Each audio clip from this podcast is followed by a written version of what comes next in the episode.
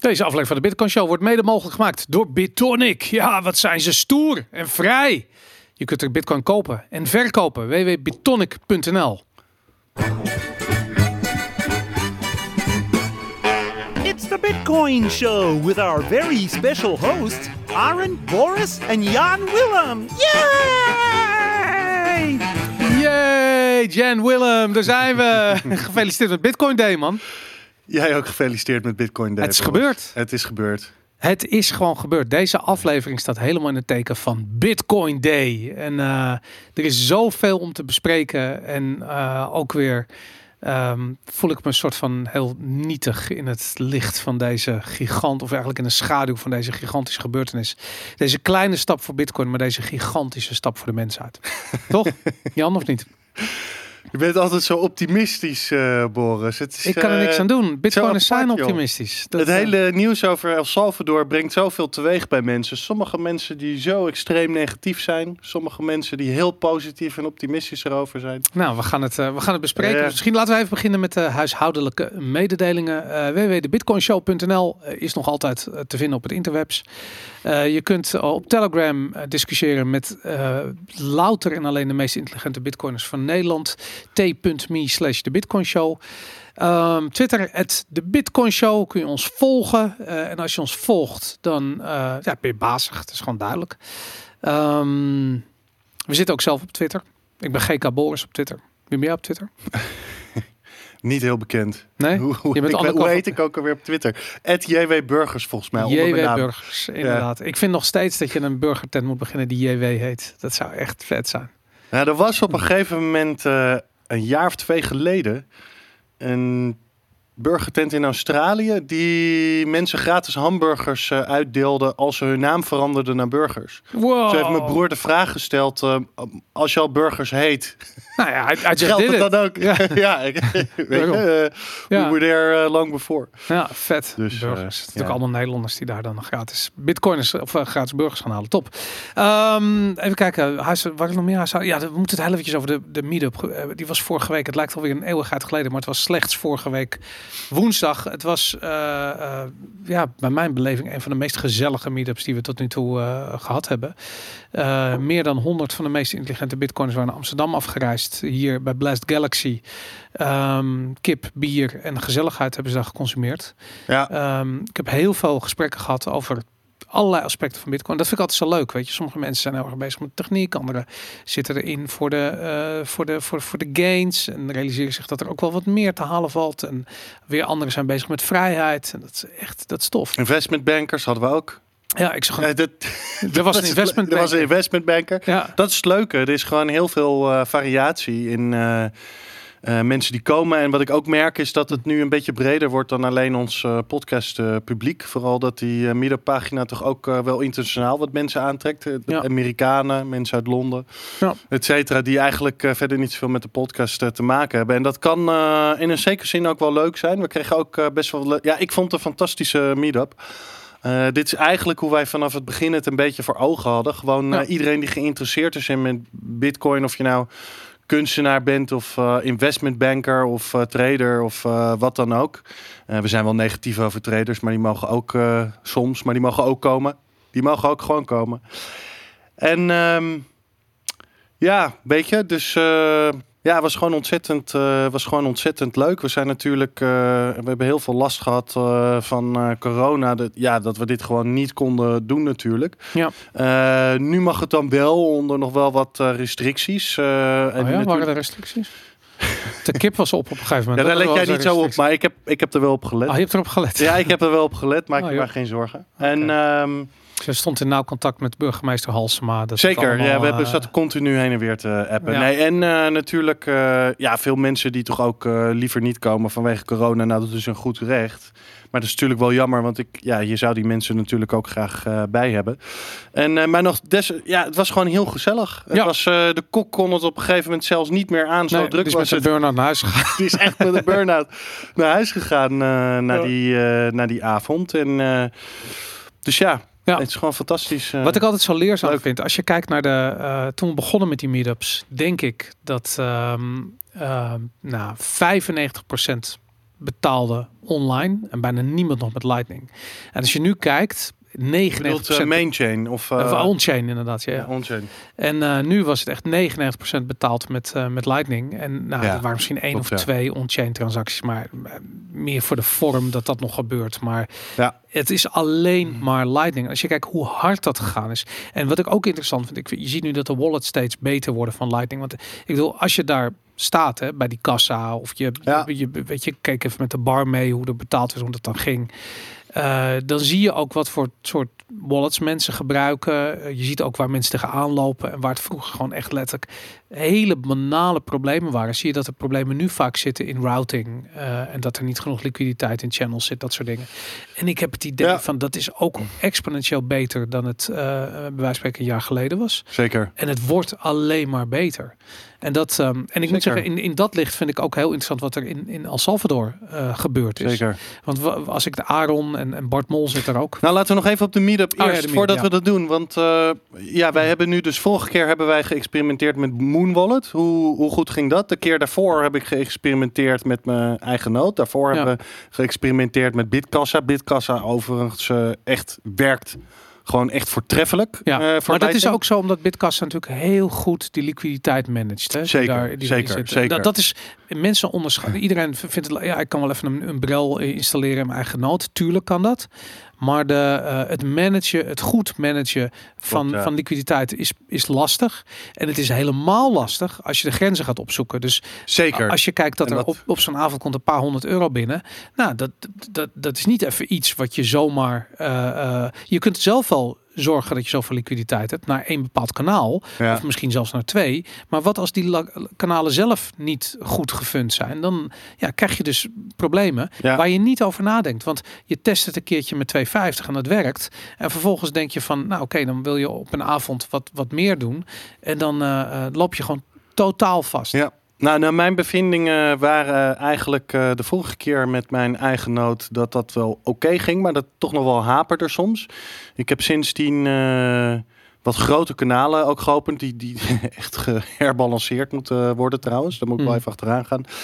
Ehm, deze keer die Moon Wallet ging in het begin vrij goed. Tot op een gegeven moment inderdaad we op een paar honderd... En daar is dat ding dus blijkbaar helemaal niet bestendig uh, Ja, jawel, wat er gebeurde. Ja, maar het, werd, het werden gewoon zoveel transacties dat wij gewoon helemaal geen, uh, ja, geen liquiditeit uh, meer hadden. En nu deze keer, mij, met, ik, ik gebruikte mijn, ik had mijn eigen noot als backup. Mijn eigen noot ging eigenlijk ging altijd goed. Ja, omdat je ook niet meer. Uh, kijk, je, je bent vorige keer tegen de grens aangelopen voor liquiditeit. Je hebt meer liquiditeit toegevoegd. En kijk, wat er met uh, Moon Wallet gebeurt. Op het moment dat je een nieuwe wallet installeert, wat we gedaan hebben daarvoor, um, krijg je een soort standaard kanalen. Dus je krijgt een beetje een standaard hoeveelheid liquiditeit. Daar zetten we doorheen. Ja. Want dat was natuurlijk totaal niet standaard wat we deden met dat ding. Dat klopt, ja. En uh, daaraan zie je... Maar de fees waren ook vrij hoog soms hè, met Moon Wallet. Nou, dat, dat viel me ook op. Dat is een ander ding. Ja. Als je het eraf wil halen. Dus niet als je uh, uh, bij wijze van spreken kleine bedragen, dan valt dat niet zo op. Maar als jij bijvoorbeeld een on-chain transactie wil doen, dat is veel goedkoper dan een, dan een Lightning transactie. En dat, dat klopt niet, weet je. Dus dat is, dat is hun verdienmodel. Er zit daar gewoon, ja, je betaalt gewoon hoge fees. En dat weet je, weet ik veel. Als jij een kop koffie koopt, nou goed, weet je, dan betaal je een keertje 20 cent fee. Het zal wel, weet je. Maar als je dan inderdaad merkt van, van oké, okay, je, je wil wat grotere transactie doen, ja. dat is een ander verhaal, weet je. Dat, uh, maar lastig. goed, er moeten nog een, naar mijn idee, uh, nog best wel wat verbeteringen komen, vooral in dat routingmechanisme in, uh, in Lightning. Ja. En ja, laten we wel wezen, hoe lang is Lightning nu live? twee jaar? Zoiets, ja. Ja, dus dat is ook nog niet zo lang. En het is natuurlijk best wel ver gekomen. Het was best wel gaaf. Inderdaad, Aaron die gisteren zijn McDonald's heb je gezien wie dat allemaal geretweet heeft? Ja, ja, ja, ja. De, de president uh, heeft het geretweet. Ja, Edward Snowden heeft het Edward Snowden heeft ook geretweet. Ja. En het was zo grappig, want deze week, uh, ik zat vandaag even het nieuws te lezen. In The Guardian hadden ze het over een Amerikaanse Bitcoin-journalist. Oh ja. Die geretweet werd door, door, door de president. Aaron door Vermeulen. Ja. Vet. Dus ja, ik weet niet. maar goed, oké. Okay whatever. Ja. Uh, dus dat is wel, uh, wel cool inderdaad. En um, nou, ook videootjes van uh, Starbucks en zo. En nou ja, goed. Oké. Ja, nee, Mooi. het was eh, ehm, eh, wat dat betreft. Het, ik had dus echt het gevoel, want dat vind ik zo interessant aan het liquiditeitsverhaal van Lightning. Want ik heb het idee, Lightning werkt gewoon prima. Ehm, maar het valt of staat met hoe die liquiditeit Het werkt wordt. veel beter en het heeft heel veel potentie. En je kunt zien op sommige momenten, op, op veel momenten, hoe goed het eigenlijk ook moet werken. Mhm. Maar het is natuurlijk wel eh, in alle eerlijkheid eh, dat het niet altijd eh, vlekkeloos, vlekkeloos werkt. Ja, maar goed, weet je, geef het de tijd. En dat is. ehm, ja, nogmaals, weet je, dat is. ehm, daar, daar springen Bitcoin-critici dan eh, bovenop. eh, omdat ze naar Bitcoin willen kijken als een soort van fintech. Ja, maar het is geen. eh, Bitcoin is geen fintech. Het is een alternatief geldsysteem. ja. En je kunt het daar niet helemaal mee ver, vergelijken. Mhm. En als je gewoon kijkt, weet je, zo'n transactie bij McDonald's ja. hoe, hoe, dat dan, hoe dat dan werkt en hoe dat dan vrij vlekkeloos werkt. Ja, weet je, en dat is Lightning steeds meer aan het worden. Maar het gaat natuurlijk om al die kings eruit te halen, gaat natuurlijk nog wel tijd kosten. Nou, wat ik zo interessant vind, is dat je het, eh, het probleem van liquiditeit opeens op nationaal niveau uitgerold ziet worden. Dus Mm. Eh, kijk, eh, wa- wat het interessant is aan, het, aan wat er in El Salvador gebeurt, is dat je dus voor de uitdaging komt te staan dat je dus een bevolking hebt waarvan het leeuwendeel nog nooit van zijn leven van Bitcoin gehoord heeft. Klopt, ja. Nou, wat ze gedaan hebben, ze hebben letterlijk teams door de, door de, de hoofdstad San Salvador lopen, eh, foto's van gezien, die uitleggen hoe het werkt. Er staan ATM's eh, op verschillende plekken in de stad en bij Ja. verschillende bedrijven. Ehm, nou, in veel gevallen deden ze het niet eh, op de dag, omdat er dus liquiditeitsproblemen waren. Het was ook moeilijk om vanuit Lightning, vanuit de officiële Chivo wallet, Bitcoin te versturen of te Ja. withdrawen. Ehm, nou, het was eigenlijk allemaal liquiditeitsproblemen. En dat, ehm, eh, dat is interessant, dat je, je, je kunt dit niet testen. Je weet niet hoeveel mensen er daadwerkelijk op dag één aan de slag gaan. Weet je, je kunt een beetje een inschatting maken, je probeert je erop voor te bereiden, maar het blijft lastig. En dan zie je toch, ik weet het niet, weet je. Kijk, iedereen eh, die daar was, die de maand, die, weet je, we zagen paniekerige tweets voorbij komen. Het is niet mogelijk om Bitcoin te withdrawen vanuit de officiële Ja, wallet. ja, ja, ja, Terwijl ja, dat, dat was helemaal niet aan de hand. Het was een bug, weet je. Dus het, Maar we moeten er gewoon aan, eh, weet je, we moeten daar gaan- gewoon aan wennen. Zoiets, dat is een, eh, ja, een best grote, best grote move. Er zijn honderden ATM's het land. Je hebt die, je hebt die Chivo wallet. Heel veel mensen, weet je, dat zie je ook in die protesten. Die protesten gaan vooral over de regering, over Bukele. Maar die protesten, niet- het zijn niet heel veel mensen hoor. En ze gaan niet- er 100 man. nee, oké, dat ook. En, maar dat wordt dan weer, eh, wordt dan weer opgeblazen Ja. in, de, in de media. Ehm, hè, of door mensen zoals Steve Henke, die er baat bij hebben dat eh, Bitcoin in een negatief daglicht eh, komt om een of andere reden. Ja. Ehm, ja, weet je, die ATM's die werken niet helemaal vlekkeloos. Liquiditeitsproblemen, noem maar op, protesten. Eh, veel mensen bij die protesten ook, want dat, dat is mij al lang duidelijk, die totaal eigenlijk niet begrijpen wat Bitcoin is of hoe het, eh, of hoe het werkt. Mensen daar- die denken, Ja, we- weet je, in mijn vrouw die de commentaar had.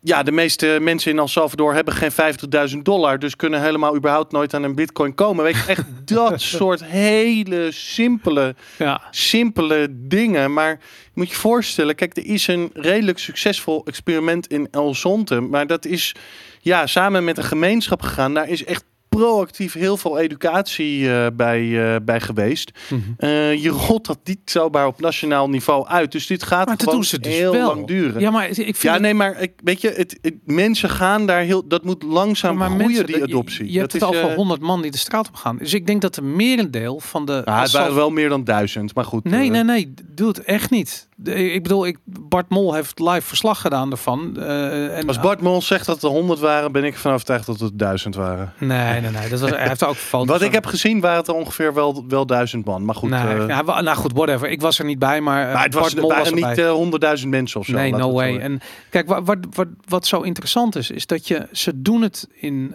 El Salvador. En het is natuurlijk is het een experiment, omdat je niet weet hoe erop gereageerd gaat worden.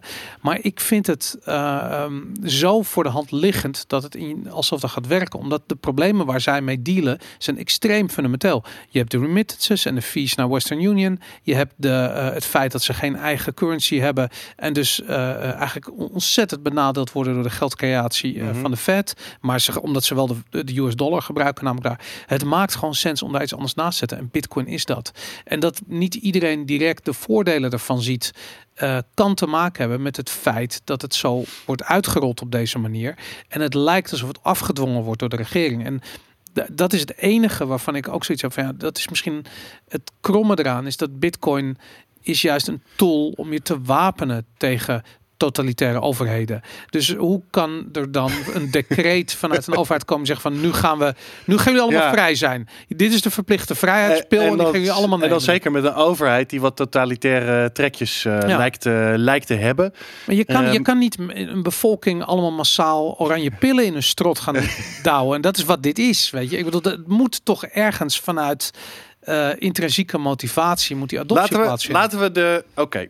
De, de kritiek die je hierop kunt hebben. Ehm, Eén. Ja, Eh, Bitcoin staat voor vrijheid en vervolgens wordt er opgelegd dat iedereen Bitcoin moet gaan gebruiken.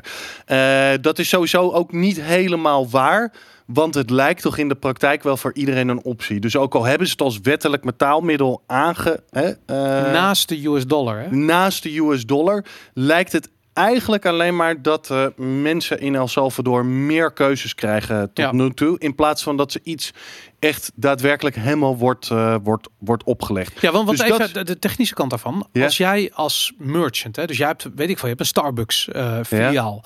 Je bent dan wettelijk verplicht om Bitcoin te accepteren. Dat is wel zo. Daarin zit de, eh, de, de, de, het gebrek aan Nou, dus niet. Het lijkt dus dat, dat ze nu, zo, als je dat echt niet wil, dan lijkt dat niet opgelegd te worden. Nou, Oké, duidelijk. Dat zou ik ook niet doen als ik als, want het is natuurlijk technisch. dat werkt gigant. Natuurlijk werkt het Ja.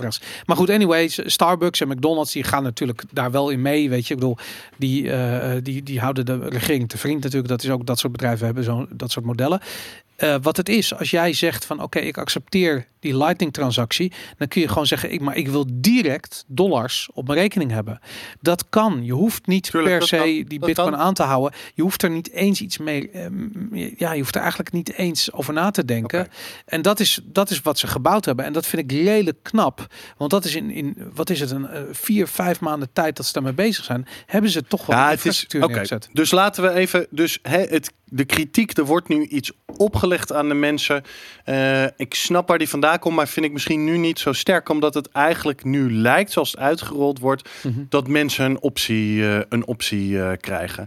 Het tweede, dat dit gebeurt in een, ja, in, in een regime waar het lijkt alsof de democratische instituties enigszins worden ondermijnd. Ja. Nou, volgens mij kun je daar een hele lange discussie over opzetten, omdat ja. Voorheen lijkt eh, El Salvador ook niet eh, echt eh, helemaal goed te functioneren met veel, veel corruptie. Mhm. Dus het was niet alsof die democratische instituties nou echt heel goed functioneerden. Wil je dan iemand hebben die inderdaad, ehm, weet je, eh, zichzelf. eh, nou, een van de kritiekpunten is dat hij ze. de- hè, er is een wettelijke limiet op die ambtstermijn. En die heeft hij nu eh, voor zichzelf blijkbaar verlengd. Nee, nee, nee, helemaal niet. Of dat wil hij althans. dat heeft hij uitgesproken dat dat misschien. Maar hij heeft Dat heeft hij gezegd. Hij heeft ook vaak genoeg gezegd dat hij dat niet wil. Omdat dat Goed, oké. hij heeft inderdaad. hij is op een gegeven moment was ook in het parlement daar. Eh, eh, wat is hier? Weer tropisch warm trouwens. Ja. Was in het par- parlement eh, daar. eh, weet niet omdat hij iets er doorheen wou duwen. Is dat het mensen van het leger daar binnenkwamen en allemaal Mhm. dat soort toestanden. Ehm, goed, oké. Het is niet alsof ik als bitcoin, weet je, als bitcoiner ben ik voor een, een land, een liberale democratie. Niet alleen een democratie, maar een liberale democratie met liberale grondrechten. Mhm. Dat moedig ik aan en dat mensen keuzes krijgen, keuzes zelf kunnen maken. Bitcoin zou ook een keuze moeten zijn. Mhm. Dus vraag aan mij van, weet je, vind ik het top dat er daar een, ja, een soort van niet functionerende democratie was die nu ja, toch wel enigszins eh, over lijkt genomen te worden door iemand met enigszins autocratische trekjes. Nee, dat vind ik niet top. En ik bedoel, het is niet per se dat ik, eh, Mhm. eh, ja, maar goed. Alsnog kun je wel de discussie voeren. Kan ook in die context Bitcoin misschien wel goed zijn Ja. eh, voor, dat, eh, voor dat land. Nee, kijk, Ehm, dat, dat, dat is een eigenschap wat Bitcoin heeft. Bitcoin Ja. geeft je de mogelijkheid om je te wapenen tegen, eh, ja, tegen gecentraliseerde, overheersende instellingen. En, en ook overheden. En je kunt ze aan de ene kant zeggen van ja, als je bij wijze van spreken je volk op vrijheid opdringt, dan kun je afvragen van ja, is vrijheid iets wat opgedrongen moet worden? Maar aan de andere kant heb je zoiets van, het is wel vrijheid. En Oké. beter wordt het opgedrongen aan een bevolking die niet weet wat het is. En leren ze op die manier wat het is. Ehm, Ja, hoe- ook alle wegen leiden eens. naar Rome in dit geval.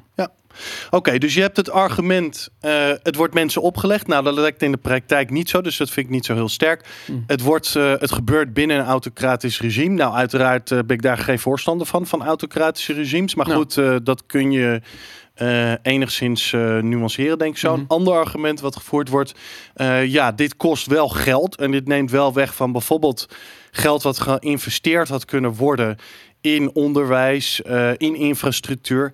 Eens. En daar gaat dus de discussie over. Want je had. Daar, daar hebben we dan een discussiepunt. Want eh, ik denk dat het het wel waard is om eh, Hmm. in dit land eh, dit proberen. Andere mensen die ja, Bitcoin allemaal onzin vinden, die zullen dat niet 1, 2, 3. Dus daar zou dan een daadwerkelijk discussie over Maar ja, gaan. het geld wordt Had je dit- uitgedeeld natuurlijk over het, leeuwendeel van wat het kost. Volgens mij in totaal 550 bitcoin kost de hele operatie.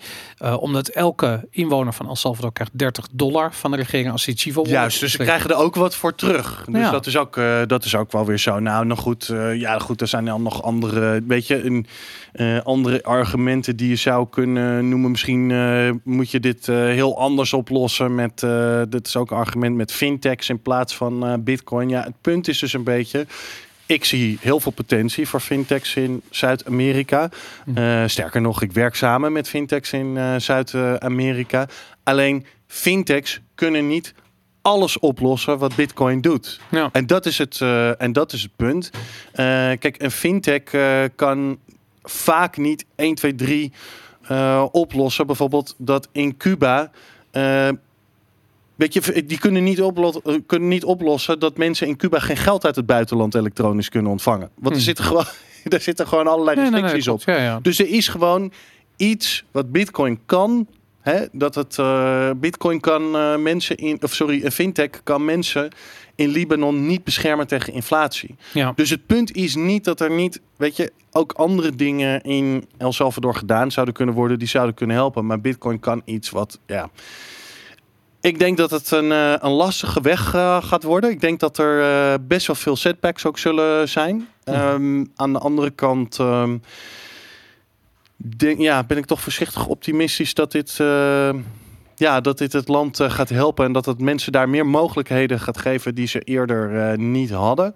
Nou ja, maar, maar En, stel je eens even voor wat ja. er gaat gebeuren als dit zo meteen werkt. En met werken bedoel ik, stel je voor, we, we hebben, ik, ik hoorde dat laatst in, in een podcast, Youssef, volgens mij de directeur van, ehm, oh God, help me eventjes, dat, dat platform waar al die Nigerianen, wat die Nigerianen, Eh, Is dat, nee, ik, eh, is dat nou Paxful? Paxful inderdaad, Ja? juist, Ja, ja, precies, dankjewel. Ehm, die zeggen ook van de, de inkomsten vanuit remittances, dus die, die de Hmm. eh, banken daar eh, afromen en de Western Unions, Ja.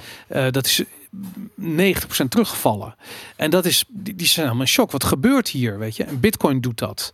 En ik denk dat als dat soort use cases, eh, eh, als die kennis mainstream wordt, dan gaan we dus zometeen allerlei eh, ehm, eh, landen krijgen die zoiets hebben van, hey, maar wacht eens eventjes. Weet je, bij ons zijn die banken en die, die financiële instellingen ook de bol aan het afromen. Terwijl dat kan gewoon direct ons bruto binnenlands product in. Waarom, waarom zijn we dat aan het weggeven aan die, aan die kutbanken? En daar ga je een soort politieke eh, economische strijd krijgen met die bankensector. Eh, en kijk, die bankensector is in het Westen echt ontzettend sterk. Maar in dat soort landen helemaal niet zo sterk. Dat stelt niet zo heel bitter veel voor. Daarom heeft die Bukele ook... Ja, die heeft helemaal niet zo... Ik bedoel, daarom staan er maar 100 man daar bij, bij zo'n demonstratie. Omdat er is gewoon niet een gigantische eh, push om daar tegen in te gaan.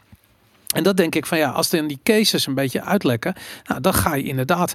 Ik bedoel, Cuba heeft al aangegeven, die hebben exact hetzelfde probleem, nog wel groter dan El Salvador, want die hebben natuurlijk al die, daar hebben we het vorige week over gehad. Die hebben al die sancties waar ze mee moeten dealen. Het is gewoon niet mogelijk om dollars of euro's naar Cuba te sturen. Nou, Bitcoin staat klaar om in dat gat te springen. Uh, vandaar dat ze Ja. ook aangeven. Nou, andere eh, eh, landen met capital controls, die zullen vanuit de overheid misschien niet snel Bitcoin omarmen, maar de, maar de mensen wel. Want dat is natuurlijk aan het andere kant van het verhaal. Weet je, op het moment dat je de, eh de ijsko, eh, wat is het, de schaafijsverkoper straks in een Lambo ziet rondrijden, dan, eh, dan, oh, alsjeblieft, laten we die meme niet exporteren naar, naar El Salvador. Nee, ja, het is...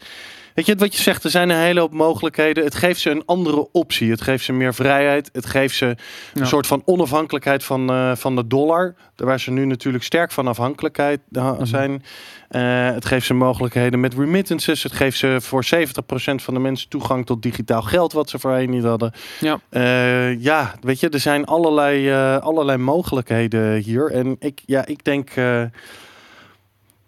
Ja, Ja. ik denk dat het een goede move eh, aan hun kant eh, is. Ik denk wel eh, ja, dat we wel wat voor dingen moeten waken. Ik denk dat we echt moeten waken voor ook allerlei scammers die gaan proberen daar binnen, dat is binnen te dat drinken. gaat ook gebeuren. Dat gaat ook nu gebeuren. Ik zag al laatst een delegatie uit Amerika die zichzelf de Bitcoin Delegation ja, noemde. Waar kleine, met die kleine dwerg die daar dan Juist, ja. ja, ja, ja. Maar ik, Brock Pierce. Maar ik moet je zeggen dat ehm, eh, ook hier weer het interessant is wat de rol van de eh Salvadoriaanse overheid erin gaat spelen. Want als je dan Ja. scammers hebt en je hebt daar letterlijk teams van mensen op straat rondlopen die uitleg geven over Bitcoin, dat je dus een soort van ja, je krijgt bijna een soort, soort definitie. Eh, weet, weet je, in de vaagheid die wij als bitcoiners voor onze kies hebben gekregen toen we ermee begonnen. eh, dat je dus echt door het oerwoud eh, moet, je een weg moet banen om te vinden wat nou niet eh, eh, gehackte apps zijn. Welke Electrum wallets nou wel legit zijn en welke versies niet. Weet ik veel. Dat heb je daar allemaal niet. Want als je geen zin hebt om je zorgen te maken, dan neem je de Chivo wallet. En Ja. oké, lever je een beetje privacy en vrijheid in. Maar je Ja. hebt wel Bitcoin op een veilige, duidelijke manier. Ehm, ja, oké, goed. Dat is, dat is nog wel een beetje. Te, dat valt nu natuurlijk wel een beetje af te zien. Er waren natuurlijk gisteren allerlei eh, dingen die niet helemaal klopten aan die wallet. En het schijnt dat je. Nee, nee, nee. Maar dat, dat ben ik niet, niet op die manier. Technische dingen heb je wel gelijk. Maar niet de onduidelijkheid. Kijk, het is toch ook, het is Bitcoin Day. Weet je, ze hebben een, een, een, een national. Ze, ze hebben het niet, het is niet Crypto Day. Het is niet dat ze Ripple en Cardano en weet ik wat voor, wat voor shit eh, ook eh, als legal tender beschouwen. Weet je, nee, het, is, het gaat om Bitcoin. En dat, dat Nee, zeker. Dat ben ik wel met je eens. Maar zo, het, het blijkt nu wel dat die eh, wallet eh, een hele heftige KYC lijkt te doen. En ook trekt eh, waarvan, waar vandaan je transacties maakt en zo. Ehm, en dat, ja goed, er was dan, dat wordt dan misschien wel weer opgelost. Een hele hoop technische problemen met telefoonnummer mensen heb ik gehoord. Dat is het enige wat hij vraagt. Een telefoonnummer. Oké, ja, ik, ik krijg meerdere verschillende berichten, dus ik weet dan niet eh, precies wat waar het is. Ik zag Hmm. vandaag in een, eh, in een groep voorbij ook komen dat die ook echt eh, je IP-adres en zo logt. Misschien heb ik dat verkeerd. Ehm, Het kan natuurlijk ook gewoon, weet ik veel, dat op een of andere framework is gebouwd wat dat standaard doet. Hè. Dat krijg je natuurlijk. het is, Ja. maar goed, kijk, weet je, ja, ik ben ook niet. Ja, weet je, je kan daar een hele erge purist in zijn en dat iedereen zijn eigen nood moet he- hebben met een eh, met een eh, met Maar dat kan toch als je dat wil? Dat is Dat het mooie. als je dat is- wil. dan zit de keuze is toch verschoven Klopt. naar eh, het gebruik van wel of niet Bitcoin. Naar oké, Bitcoin, maar hoe je dat doet. Of je dat op een privacyvriendelijke manier doet. Zeker. Of dat je de overheidsapp gebruikt. Nee, dat is het, dat is het punt. En zeker voor een hele hoop mensen die beginnen aan Bitcoin, is gewoon een wat gecentraliseerde, eh, ja, meer gecentraliseerde oplossing. Mhm. Eh, vaak een, een, beter, eh, een beter iets om te hebben dan eh, ja, dat ze Beter dan dramatische verhalen van mensen die Ja, al hun ja. geld kwijtraken omdat ze, weet ik, van wachtwoord kwijt zijn. Ja, nee, dat, dat lijkt mij vreselijk. Hey, ik heb een, eh een ander. We krijgen daar nog eventjes tussendoor. Eh, sommige mensen zijn in de chat ook, eh, ehm, want we streamen live via twitch.tv slash Mm. de Bitcoin Show. En Bevant underscore die zegt, de overheid heeft sowieso de neiging om mensen dingen op te leggen. Dat kunnen ze maar beter Bitcoin opleggen. Nou, nou, vooruit. Oké. Ja, nee, dat ben ik ook wel mee eens. Ja, Anyways, ik heb. ehm, ehm, een, een jaar of twee, drie geleden uh, was ik heel erg uh, bezig met te proberen te verwoorden hoe het traject van Bitcoin adoptie eruit zag. En je hebt heel veel mensen die juist heel erg op die, op die monetaire eigenschappen gaan zitten. En die hebben dan zoiets van ja, het moet eerst een store of value en dan unit of account, means of exchange, weet je, al die shit. En ik had zoiets van ja, ik denk dat het belangrijk is om een beetje uit te zoomen. En uh, eigenlijk uh, vast te stellen in wat voor soort uh, domeinen Bitcoin zich begeeft. Voordat het door kan groeien naar een volgende fase. Een soort fases bijna. En uh, waar ik op uitkwam was dat uh, toen Bitcoin begon, had je dus heel erg die technische fase. Bitcoin is als een technisch, puur technisch project begonnen. Hmm. weet je, de publicatie van de whitepaper, de, de, de, nou goed, het technisch van de grond krijgen, de, de eerste hash, hashing power die werd toegevoegd. vervolgens kreeg Bitcoin, ik kan me herinneren het moment dat het dollar parity kreeg. Ik was toen geen Bitcoin, maar ik kan me herinneren dat ik dat een keer gezien heb in een documentaire, hoe dat eruit zag. Um, en dat je dus ja, een soort boom kreeg in speculatie rondom bitcoin. Dus toen, toen, toen, toen uh, omarmde het eigenlijk die, die speculatieve kant. Um, eigenlijk sinds 2017 hebben we gezien dat bitcoin economische eigenschappen uh, heeft vergaard.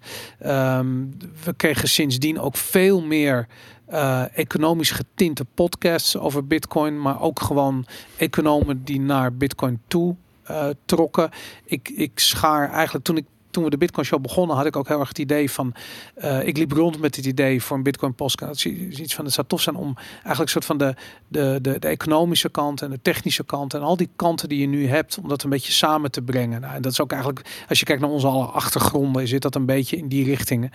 En, um, dat is een beetje wat we probeerden te doen. Ja, ja inderdaad. En ik heb nu uh, heel erg het gevoel, uh, um, of eigenlijk heb ik niet het gevoel, ik heb heel erg het idee altijd gehad dat er een vierde uh, waarde-eigenschap was die Bitcoin uh, moest verkrijgen alvorens het door kon groeien naar de volgende stap. Ik heb daar in 2018 een keer een interview over gegeven bij RTL Z. Uh, en ik, was ik een goed interview. Ja, en ik noemde dat. Ja, je, je, moet die vaker doen. Nee, ik, ik, ja, maar jij wil niet, maar ik doe niet meer. Ja, klaar ermee. En uh, ik weet een goed ander onderwerp, maar ik wil geen mainstream media optredens meer doen. Maar in ieder geval die, um, uh, ik had zoiets van ja, Bitcoin moet politieke uh, waarde-eigenschappen ja. vergaren. Om door te kunnen groeien. Om eigenlijk de, de hele speltheorie uit te kunnen spelen. Om, om massa-adoptie ja. voor te kunnen. Eigenlijk is het onvermijdelijk dat Bitcoin die politieke... Je had toen ook voor, uh, voorspeld dat uh, Bitcoin op de balansen zou komen van... Centrale banken, ja. ja. En minder dan drie jaar later is dat nu dus gebeurd. Ja. Dat is eergisteren was dat dus letterlijk gebeurd. Dat is, of, het was gisteren, sorry, we nemen op woensdag op, het was gisteren. Is dat er moment nu bereikt? 550 bitcoins op de balans van de El Salvadoriaanse overheid. Ja, en Maar, maar ik zei dat ook vanuit de gedachte van eerst ga je krijgen dat uh, centrale banken bitcoin op reserves gaan zetten. En dan pas ga je misschien kunnen praten over uh, uh, bijvoorbeeld een, een hoe noem je dat, een, een, een, legal tender status. Hier zagen nee, we het is een beetje omgedraaid. Ja, ja het was ja. gewoon eerst legal tender. Het is alleen nu wel niet bij de centrale bank, toch? Het is nu om, bij de overheid. Maar goed, het, omdat de centrale, punt, het punt, punt is, gemaakt, duidelijk. Ja. ja. het punt is duidelijk. En ook omdat de centrale bank in El Salvador eigenlijk niet bestaat, omdat ze geen nationale ja, ik, ik vond dat een, uh, ja, ik vond dat zelf een uh, heel goed interview uh, wat je daar deed. Ook nu dan wel enigszins profetisch, vond ik. En ook omdat, ja, weet je, je wordt als je probeert uh, dit soort discussies te voeren, wordt er zoveel naar je gegooid over. Uh, het gaat toch eigenlijk om blockchain. En uh, je kunt maar zeven transacties per seconde doen. En alle ijsberen plegen zelfmoord vanwege ja. bitcoin. En dat soort. Ja, en het maakt het, het maakt. En jij zette dat in dat interview toen al vrij snel goed uh, redelijk goed uh, weg, vond ik. En dat vond ik het mooie aan dat interview. Weet je, je probeert het, je stuurt het eigenlijk goed naar. Uh, maar weet je dat dat de reden is van... waarom ik dat soort dingen niet meer wil doen? Omdat nee, je bent ik. alleen maar bezig met het wegsturen van de fut. Dus mijn grote probleem is, dit, ja. was een, dit was longform. Dit was een hele aflevering van RTL Z die erover ging. Dus ja, was, pak een beetje ja. een half uur.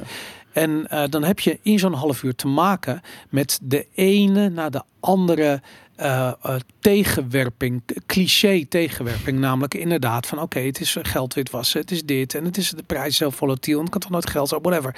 En je moet de hele tijd terug naar die, naar die basis, weet je, van wat is Ja. geld eigenlijk, weet je? Waarom heeft iets überhaupt waarde? En in een half uur is het ontzettend lastig om gefocust Ja. te blijven op, op de essentie. En dat is e-, eerlijk gezegd, ik had me daar heel erg op voorbereid bij dat gesprek. En nog steeds vond ik het, ik kan het zelf niet kijken, dat interview. Nee? Omdat ik het veel te. eh, ik ben niet een gesprek aan het voeren. Ik ben proberen het punt te maken en eh, de vragen van, van, eh, van die interviewer, ja, Roland. Roland, naast me neer te leggen en daar niet al te veel op in te gaan. Ja. En dat, maar goed, anyways, ik, ik heb daar wel gezegd van ja, Bitcoin gaat die politieke waarde-eigenschappen krijgen. En daar zijn we dus nu. En ik, het klinkt zo raar hè, en ik vind het zo, ehm, zo, zo bizar wat er allemaal samenkomt. Je kunt Bitcoin niet loszien van de context van de wereld waarin we leven. En al die.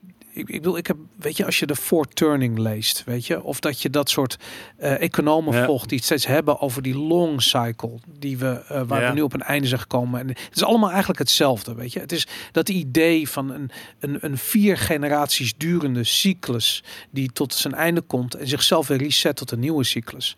En eh, altijd als dat soort punten eh, samenkomen, als dat gebeurt, zie je dat het gepaard maar met grote eh, economische, maar ook sociale eh, verstoringen. Dus de laatste keer dat het gebeurde was in de jaren 30. Weet je, nou, we hebben daar hyperinflatie gezien in Weimar Duitsland, wat direct leidde tot de opkomst van de nazi's en de, ehm, eh, ja, de, de Tweede Wereldoorlog. We zitten nu weer in zo'n fase.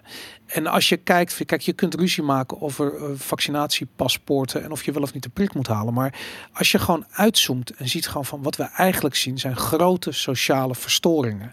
Weet je, onze hele samenleving komt onder een gigantische druk te staan. En die druk lijkt te komen uit een discussie over corona. Maar hij kan net zo goed voortkomen uit het ongemakkelijke gevoel wat je krijgt als je te maken hebt met inflatie.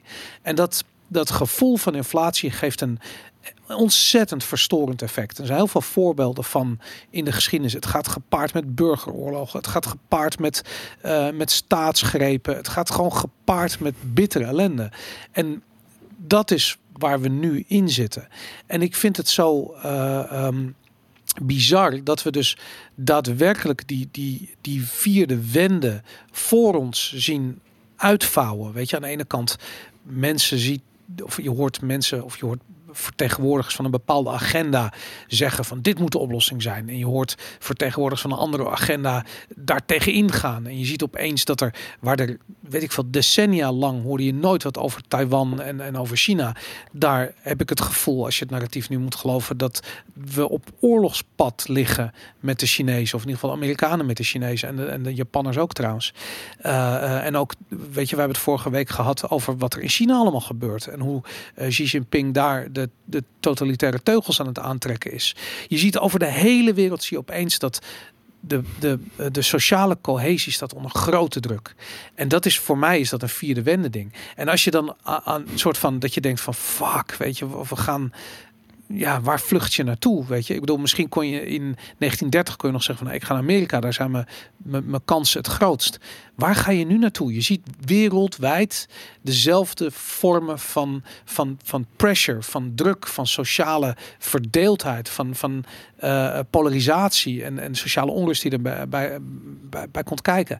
En dan denk ik van, ja, dan heb je daar bitcoin. En het is, het is echt op stoom aan het komen. En het, het, het, het, Mm. er is die politieke eigenschap uh, uh, fase of, of dat gebied is het ingestormd. Het heeft die waarde-eigenschappen vergaard. Het is nu, ook al is het een klein land en ook al zijn er nog niet heel veel bitcoiners, maar het is zo een, uh, hoe noem je het, zo'n poolster van licht in te midden van dat gezeik. Nee, maar ik vind nou, het. Boris, de, ik, nee, maar ik vind het moeten we nu gewoon eindigen een polster van licht. Ja, maar ik vind het serieus. Van, je, in die, in die, je hebt al dat fucking gezeik. Ja, ja. En dan heb je Bitcoin, wat maar één doel is. En dat is een decentraal effect uitoefenen binnen een wereld waarin gecentraliseerde krachten met elkaar eh, op ramkoers liggen. Ja, maar dude, dat is. Ik, serieus, ik, ik heb af en toe heb ik wel eens- Je zegt van je bent zo positief. Ik ben extreem positief. Want ik zie de toekomst eh, zo positief in. Omdat ik, ik zie alleen maar decentrale initiatieven werken. En ik zie alleen maar gecentraliseerde initiatieven falen. En dat. Ik heb zoiets van ja, dat als je die lijn doortrekt, natuurlijk gaan we een hele zware periode tegemoet. En weet ik veel, corona en de paspoorten en de bullshit is nog lang niet klaar. We staan aan het begin daarvan. Maar aan, ik kan daar overheen kijken en daar zie ik de oplossing. En dat is dat we ehm, ja, decentralisatie een soort klinkende overwinning gaat behalen. En we een begin van een nieuwe long cycle in, inluiden met gebaseerd op persoonlijke vrijheid en persoonlijke verantwoordelijkheid. Dat, die rant Ja, daar, daar, kan ik, eh, daar kan ik eigenlijk eh, niet heel veel aan toevoegen. Nee, ik, ja, kijk, weet je, het verschil tussen jij en mij is, jij kijkt het, ik ga het toch doen. Mhm. Eh, jij kijkt naar dit soort dingen iets meer in termen van grote narratieven. Ik, ik, ik, zie het, ik zie dit soort, ik zie alles wat ik om me heen zie wat minder in grote, in grote narratieven. Dus ehm, ik denk dat, ik dat ik het met je eens ben. Eh, en dat is echt geen, eh, weet je, het is echt niet alsof wij hier in de fringe zitten. Kijk eens naar wat eh, bijvoorbeeld Ray Dalio over het financiële systeem ook zegt. Ja. Zijn Echt, weet je, het is echt niet alsof dit een soort van fringe mening is. Mhm. Ehm, dat onze financiële systeem, hoe dat ingericht is, ehm, de schuldenberg die momenteel weer is opgebouwd, dat dat eigenlijk onhoudbaar is en dat er in 2008 ehm, eigenlijk niet fundamenteel genoeg veranderd is. Dus dat is mijn, ons, en ik doe met, met name denk ik op ons, hoe ons monetaire systeem is ingericht. Laat ik het, Ja. zo, eh, laat ik het zo zeggen. Ehm, daar ben, ik het, eh, daar ben ik het zeker met je eens. Ik zie ook andere trends. Ik zie dat technologie een centraliserend effect heeft gehad in de afgelopen decennia op de, de macht die de overheid heeft. Ja. Ehm, onze ouders in 1975 waren in veel opzichten, Mhm. misschien niet in alle opzichten, maar eh, als je bijvoorbeeld eh, geld eh, wou, geld van een land naar een ander land, daar waren die kapitaalcontrole. Dus het is niet in alle opzichten, maar in veel opzichten waarschijnlijk veel vrijer Ja. dan, dat, dan, dat, dan dat wij waren. Ik bedoel, als ik nu naar, eh, weet je, er zit eh, ik, heel veel om, op, ja, in de buurt van waar ik woon, allerlei hele mooie plassen om, naar, om naartoe te gaan. Mhm. Eh, er is nu om een van die plassen en eh, zijn er eh, allemaal hekken omheen gegooid. Je kunt alleen maar met je pinpas betalen. En overal hangen camera's. Waarom? Ja, dat vind ik een hele goede vraag. Maar ik Hm. kom dus er eigenlijk niet. Ik, ik wilde eigenlijk niet meer komen. Terwijl het vroeger gewoon echt fantastisch was om naartoe te gaan. Maar waarom moet ik in vredesnaam naar een soort van meertje met mijn kinderen. waar op letterlijk iedere meter een camera staat. Ja. en waar ik met mijn pinpas moet betalen om naar binnen te komen? Weet je, het is. ehm, en dat vind ik best wel terug. En dat is dan een klein, eh, dat is een klein eh, voorbeeld. Mhm. Ehm, maar natuurlijk ook met alle data die inmiddels eh, verzameld eh, wordt en hoeveel daar ook mee misgaat. En dat feit dat de overheid ehm, in principe is zoiets als G- GDPR, ehm, de General Data Protection Regulation, volgens mij Ja, ja. zeg ik dat zo goed.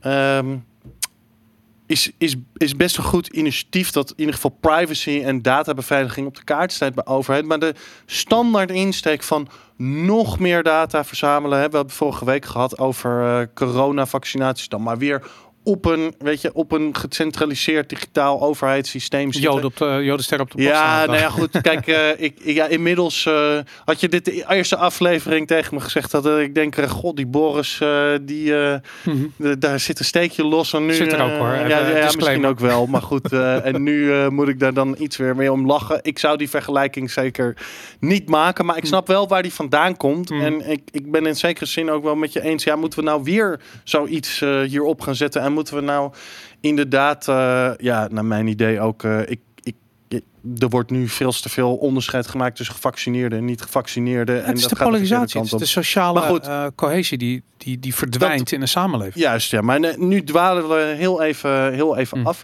En ik zie sommige landen die echt van die digitale vooruitgang enorm misbruik maken. En China is daar een voorbeeld van. Mhm. En ja, ik zie dan nog steeds wel eens mensen, en daar verbaas ik me dan over in de, in de chat, ehm, die daar dan eh, ja, een, een soort van genuanceerd beeld aan willen geven.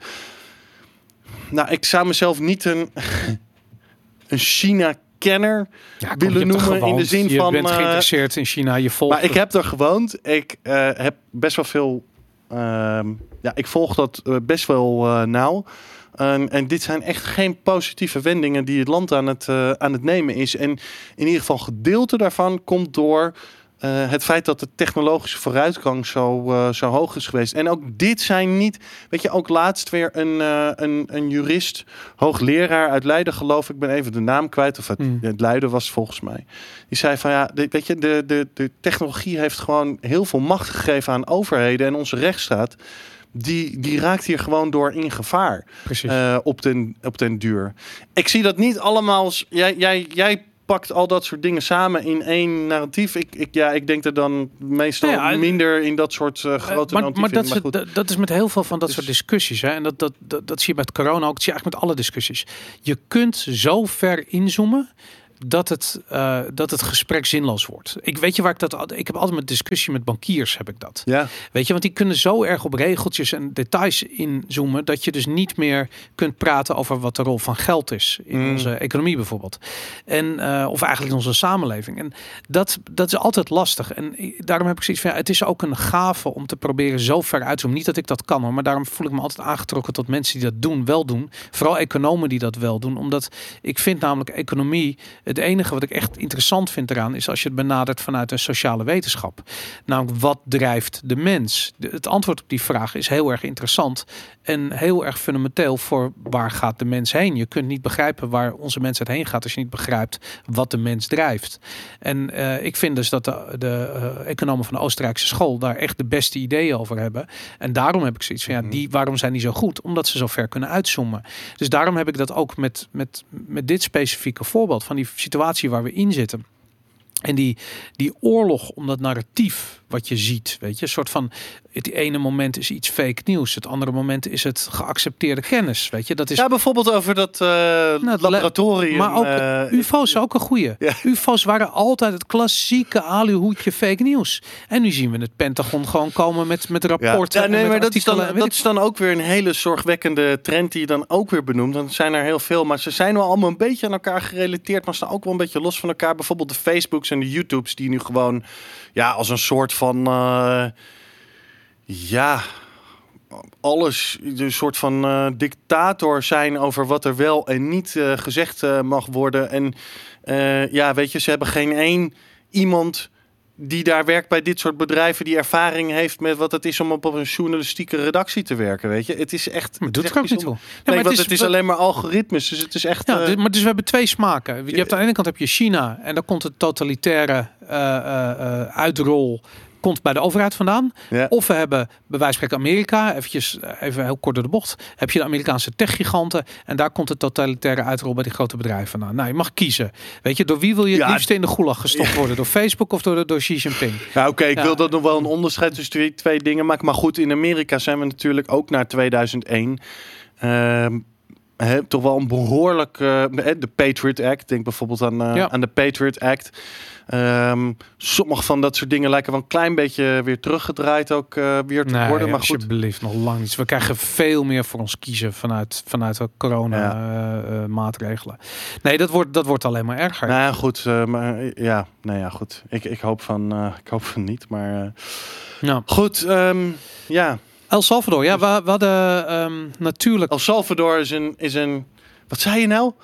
Een. eh, een, het pool ligt in een. Wat zei? Ja, ze de, de, De de Poolster van licht. In een eh, duistere wereld. Weet je wat. El Salvador betekent? Eh, de bevrijder. Ja, de verlosser. Ja. De verlosser, ja. ja, ja. Ja, dus dat is natuurlijk ook Bukele die zichzelf op het wereldtoernooi het toneel presenteert als de verlosser. En Ik heb ook zoiets van of iemand een dictator is of een vrijheidsstrijder is ook gewoon een kwestie van wie de geschiedenisboeken schrijft. Weet je, ik bedoel, Che Guevara en eh, Castro waren niet de vrijheidsstrijders die ze. Nee, oké, maar daar ben je wel. Oké, ja, een beetje wel, maar daar kun je ook te neutraal in zijn, hè?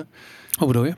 Hoe kun je daar nou neutraal in zijn? Je staat gewoon een van de twee kanten van de gepolariseerde discussie. Oké, maar goed, eh, als jij eh, denkt dat als jij gelooft in eh, liberale democratie Mhm. en eh, jij gelooft niet in eh, gulags en onderdrukking en dat soort dingen, Ja. dan mag je toch wel een beetje een onderscheid maken tussen. Hè, dan zou, zou je toch kunnen zeggen dat China wel niet helemaal op het juiste pad zit door nog overal fotootjes van Mao op te hangen, weet je wel. Hoewel ze daar nu, dat is dan wel zo, daar zijn ze wel een klein beetje van afgestapt. Toen ik daar nog woonde, was het nog wel zo dat Nou, Mao nog je, wel die je moet nu verering foto's had. van Xi Jinping ophangen. Dat ja, is dit. nu, zo- nu je krijgt ik letterlijk de, die kids. Ja. Dat is toch, er is een nieuw vak toegevoegd, een middelbare scholen Ja. in China. Of De de leer van Xi Jinping. Ja. Ja, of Winnie de Pooh. Ja, oké. Als je ook, dat zegt, dan ben je echt weg van, eh, van, van YouTube.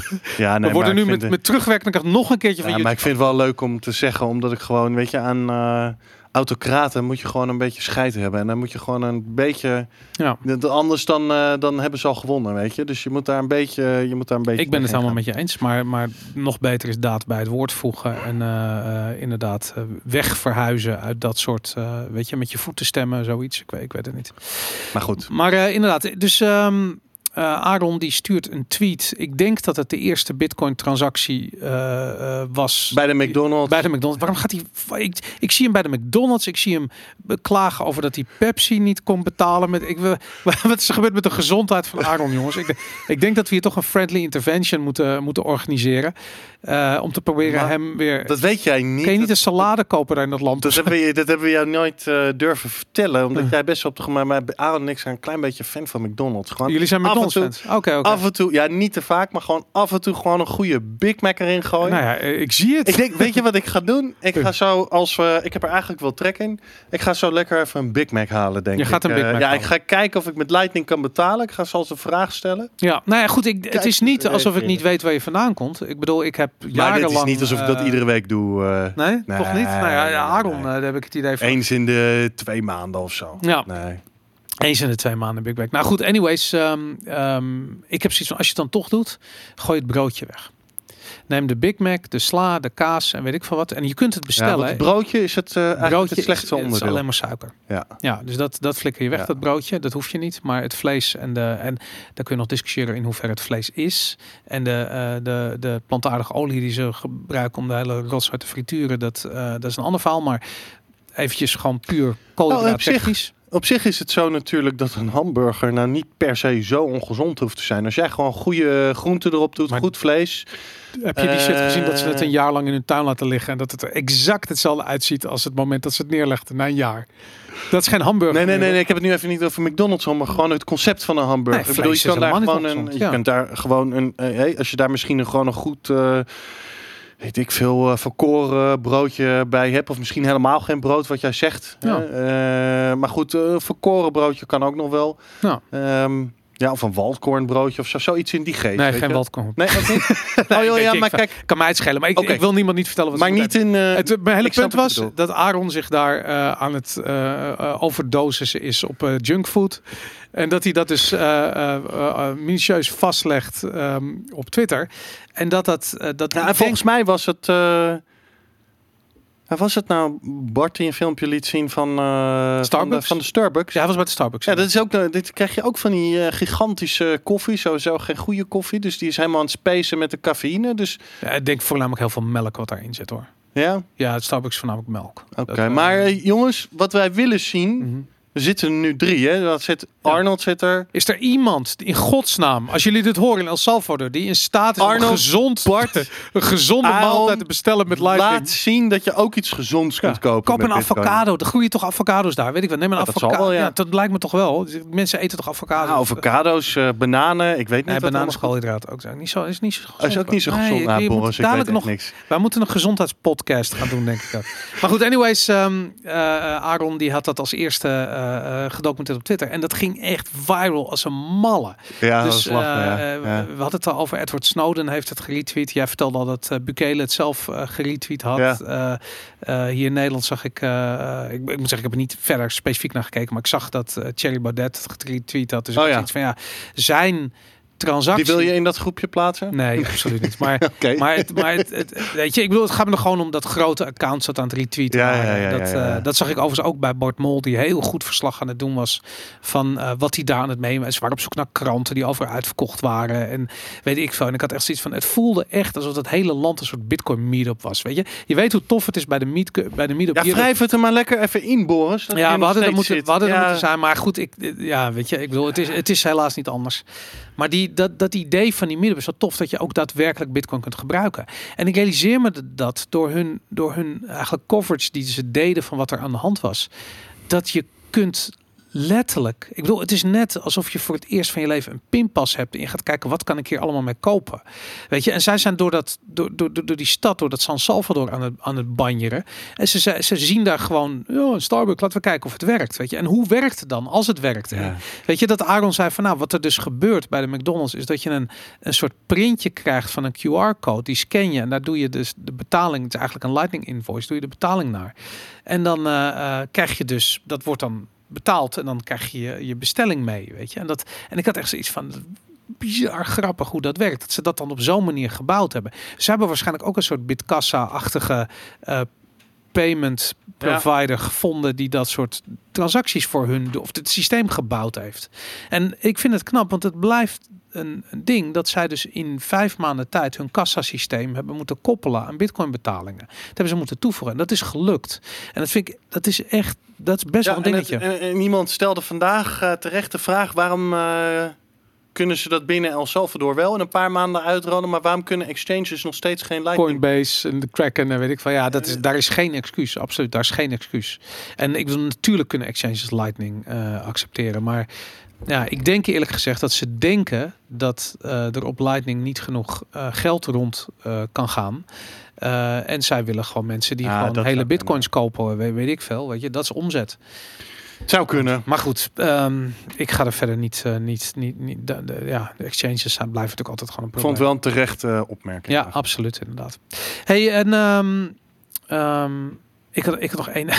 Heb je ooit gehoord dat toen Castro zijn regering aan het vormen was, dat hij toen vroeg van eh, zijn er hier eh, in deze zaal ook eh, eh, economen, economists, en dat Che Guevara toen zijn eh, arm opstak en zei van ja, dat ben ik. En toen is hij eh, volgens mij minister van Financiën geworden of directeur van de centrale bank daar. Maar wat Che Guevara dacht, die echt geen idee had van geld. Die dacht dat de vraag was, zijn er ook communisten in de zaal? dus de vraag was, zijn er economists? En hij verstond het gewoon niet. Hij dacht dat hij zei, zijn er ook communists hier? En dat eh, stak zijn hand op en dat maakte hem dus vervolgens legendarisch. En dat, dat, ik weet niet, dat verhaal dat gaat de hele tijd een beetje door, door mijn hoofd. Omdat ik zoiets heb van, ik bedoel, in, in, in, in Midden-Amerika hangt gewoon zo'n sfeer van, ja, van, van, van cowboy. Eh, eh, weet je, Ja. ik bedoel, de, de- je hebt ook daar ook, ik bedoel dat dat bijna dat autocratische wat Bukele heeft, dat komt ergens vandaan. Ik bedoel, ik heb, ik, ik wil er niet veel over zeggen, want ik, ik, ik ben echt geen kenner van Midden-Amerika, maar het zijn wel alle clichés, weet je, dat het gewoon daar echt een cowboy wereld is. En dat, eh, daarom vind ik het zo tof dat, ik bedoel, Bitcoin is een cowboy. Bitcoiners zijn cowboys. En ehm, ja, die doen het goed in, in Het cowboyland. is gewoon helemaal, het is heel logisch dat het eerste land eh, wat dit doet, zoiets- zo'n land als El Salvador is. Ja, achteraf eh, gezien is het, het is allemaal onvermijdelijk, toch? Ja. Dat hele ding. Ja, Onvermijdelijk. absoluut. Hey, wat, waar, gaan we naar, waar gaan we naartoe? Wat gaat er nu gebeuren? Kun je iets, iets specifieks zijn met de vraag? In El Volgende Salvador land. of Volgende land. volgende land? Nou, ik denk niet dat er 1, 2, 3 zo heel snel een land ja, als wettelijk betaalmiddel Bitcoin zal bestempelen. Alhoewel. Famous last words, hè? Ja, nou, het, is een beetje, het is een beetje grijs gebied. Want ehm, Ze noemen een wettelijk betaalmiddel, maar je bent dan niet verplicht om, je, je, om schulden afbetaald te krijgen in eh, bitcoin. Dus je hoeft het niet te accepteren. Dus eigenlijk is het dan iets minder in de praktijk dan wat ja, zeg maar de definitie in de Oxford Dictionary van, eh, van een wettelijk betaalmiddel eh, zou zijn. Eh, dus eigenlijk heb je het over een land waar ja, bitcoin heel erg proactief is opgenomen en omarmd in de, ja, in de wet en regelgeving. En waar je er ook belastingen mee kunt betalen en overheidsdiensten mee kunt betalen.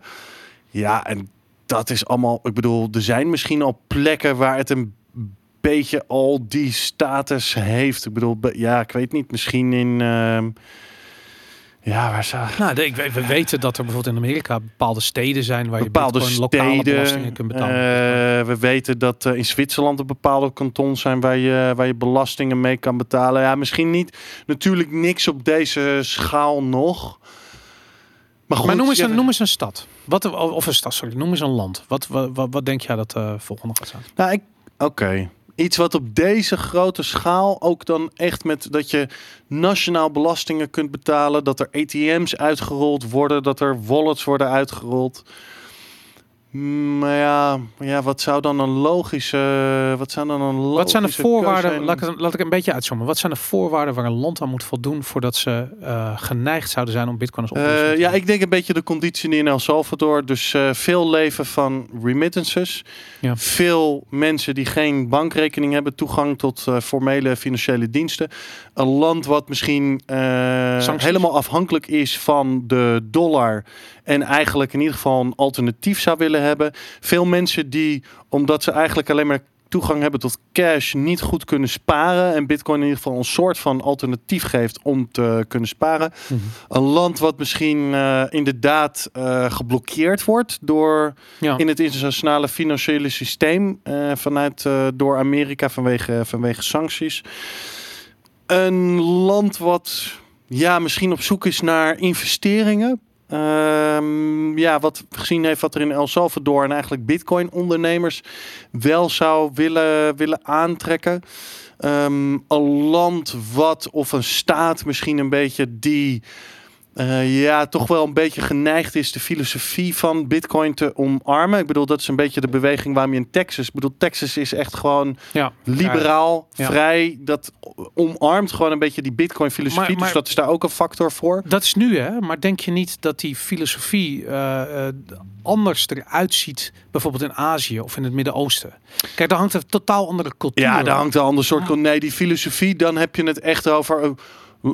Waar dat een rol speelt, dat soort filosofie, dan moet je het echt een beetje hebben over een staat als Texas, een staat als Montana, een staat als Nee, nee, nee, Idaho. maar de- ik en- ben niet met je eens. Als je bijvoorbeeld Ja. kijkt naar het Midden-Oosten, als je kijkt naar eh, eh, landen die, die een sterke islamcultuur hebben of moslimcultuur hebben, eh, het bankensysteem eh, mag bijvoorbeeld geen rente eh, eh, rekenen. Rente is verboden. Oké, om wat andere redenen zou het misschien. Maar wat die- krijg je ja, dan? ik bedoel, ja, het is ja. niet dat banken geen winst maken. Die, die hebben een soort fee-structuur. Wat heel erg lijkt op bitcoin. In feite, bitcoin, omdat het deflatair is, rente is ook lastig. Weet je, zeker als je naar een soort bitcoin Ja. standaard gaat.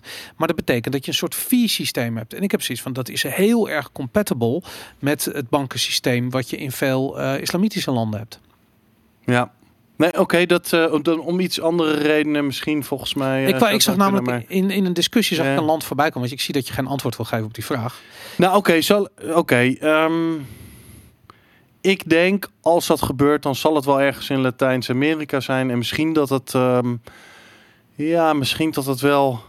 Vanwege het... Het, het, Het zou het Cuba kunnen zijn, maar dan zal het niet, denk ik, zo vrij zijn als in El Salvador. Maar het zou Cuba kunnen zijn. Mhm. Eh, misschien Panama, iets in die geest. Zou, dat zou een optie kunnen zijn. Ja. Wat denk jij? Nou, ik, kijk, wat er in het zaadje wat geplant is in Midden-Amerika, dat is niet meer te stoppen. Dus je krijgt, dat zag je al bij die aankondiging van Bukele, dat je eh, eh, omringende landen begonnen al met, weet ik veel, een soort bitcoin-achtige wetgeving, wat totaal anders was dan wat hij heeft gedaan. Maar die begonnen dat al- daarover te praten. En het grote verschil is eh, eh, met die landen en El Salvador is dat El Salvador geen eigen munt heeft.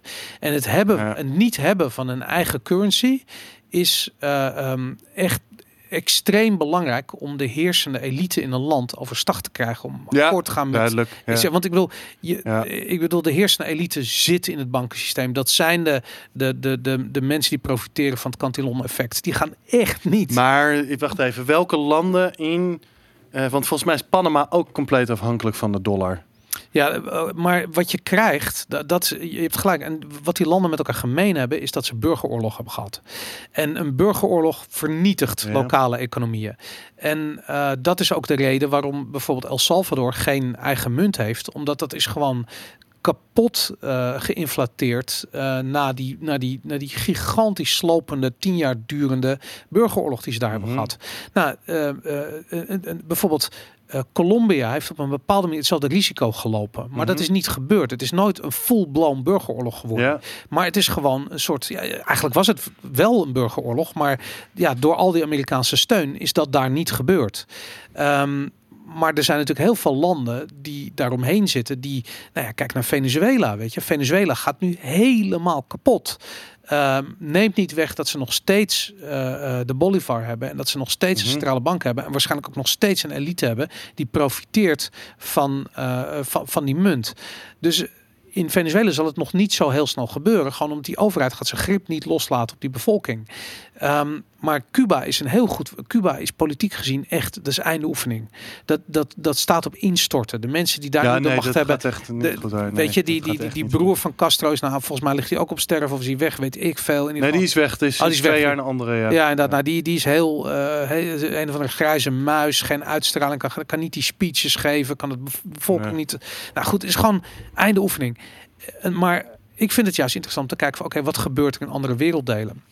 In Afrika hebben we het al gehad, weet je, over Nigeria natuurlijk. Dat is echt een schoolvoorbeeld. Maar het, hetzelfde spillover effect heb je in Kenia bijvoorbeeld, waar min of meer dezelfde problemen als in Nigeria spelen. Eh, wat je in West-Afrika hebt, waar toevallig net in Guinea een staatsgreep heeft plaatsgevonden. Ja. Helaas gefund door een of andere Israëlische Franse eh, miljardair.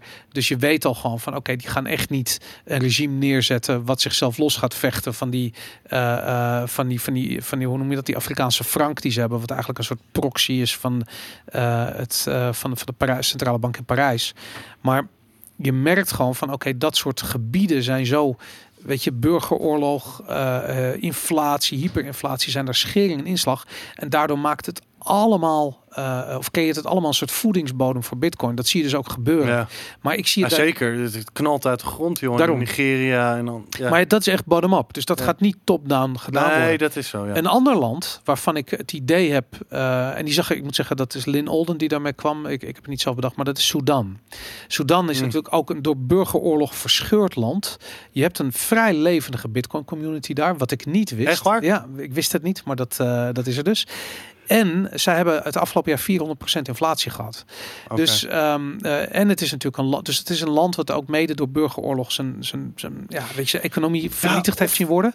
Of bijvoorbeeld, ja, ja, oké. Maar dus Ja. ook eh, passend binnen die islamitische context van dat banksysteem, waar Bitcoin helemaal niet vreemd. eh, het resoneert daar, weet je, omdat het echt gewoon teruggaat naar wat geld Wat is. ook nog zou kunnen is bijvoorbeeld misschien Libanon. Kijk, Ja. Libanezen zijn eh, ontzettend ondernemende mensen. Ja, maar daar gaat het ook bottom-up komen. Want ook Ja. daar zie je die elite waar ook onze dikke vriend eh, Taleb onderdeel van uitmaakt. Oh ja. Gewoon echt, ja, die, die, gaan daar, die gaan de teugels niet zo snel laten vieren. Ja, wat zou Tweleb eigenlijk over El Salvador hebben getweet? Ben jij benieuwd? Ik denk dat hij gewoon heel erg boos is. Hij zegt dat het allemaal morons zijn en idiots. Het zijn allemaal useful idiots. En de, ja, idi- wat is het? De intellectual yet dam of zoiets. Dat is aan, eh, zijn, wat hij zelf is, waar hij zelf de belichaming van is. Maar anyways, dat, eh, nee, ik denk in dat soort landen ga je dus een, eh, een bottom-up adoptie zien van Bitcoin. En ik denk dat in sommige landen krijg je dus een top-down adoptie van Bitcoin. En omdat dat nu gebeurd is, dat is nu één keer gebeurd in El Salvador, denk ik dat het, het hoe noem je het, het de blueprint voor de aanpak van een top-down uitrol van Bitcoin ehm, ligt er. En als landen in de problemen gaan komen, dan ligt dat scenario er. Dan is het heel makkelijk om te kijken van oké, hoe hebben ze dat in El Salvador gedaan? En wat er zo meteen gaat gebeuren, eh, als we de doomsayers mogen geloven, dan gaan we dus een implosie zien van de dollar, van de euro, van de grote fiat currencies die nu eigenlijk de, eh, alle handel op de wereld financieren. Ja, we gaan dat zien wegvallen. En op het moment dat er zo'n crisis uitbreekt, heb je dus een blueprint waarop je kunt zeggen van nou, maar dit is de oplossing, dit is de manier waarop we het gaan doen. Ik, ik bedoel, het zou echt de perfect storm zijn. En het lijkt er gewoon op dat die, ja, alle donkere wolken die je aan de, aan de horizon ziet, dat die zijn, die, die, het lijkt gewoon die perfect storm te zijn. We gaan het zien. Ja, ik ben Ja. fucking psyched, eh, Jan. ik vind het fantastisch. Ja, nee, ik, ik eh, vind het ook eh, bijzonder. Nog steeds, ik eh, kijk er wel een beetje naar met gemengde voelen, gevoelens naar alles. Maar ik denk uiteindelijk toch... ehm, ik ben vrij hoopvol dat we hier gaan slagen. En dat is ook omdat er, mede omdat er best wel veel bitcoiners zijn die daar inmiddels nu naartoe gaan. Ja. Er zullen ongetwijfeld mensen tussen zitten met eh, niet oprechtere bedoelingen, zoals de Bitcoin handelsdelegatie. maar ook een hele hoop mensen van waar ik weet dat ze wel goede bedoelingen eh, hebben. Waaronder onze eigen, eigen Aaron, eh, Bart en eh, Arnold. Ja. Dus ehm, ja, en dat, ehm, ja, dat, vind ik, dat vind ik positief. En ja. ja, ik ben er toch wel voorzichtig optimistisch over, over hoe het gaat uitpakken. Maar we gaan, we gaan het zien. Ik ben gillend optimistisch. Fantastisch. nou, ik, eh, ik denk dat we daarmee op het einde zijn gekomen van deze eh, super speciale Bitcoin Day aflevering van, eh, van de Bitcoin Show. Eh, ik, eh, ja, wat ik zei, ik ben echt gillend enthousiast over wat er aan het gebeuren is. Maar goed, daarover volgende week meer. Hopelijk spreken we eh Aaron dan ook. dat lijkt me eigenlijk wel. Topper. Dank jullie wel voor het kijken en luisteren. Later. Strong hand, everybody!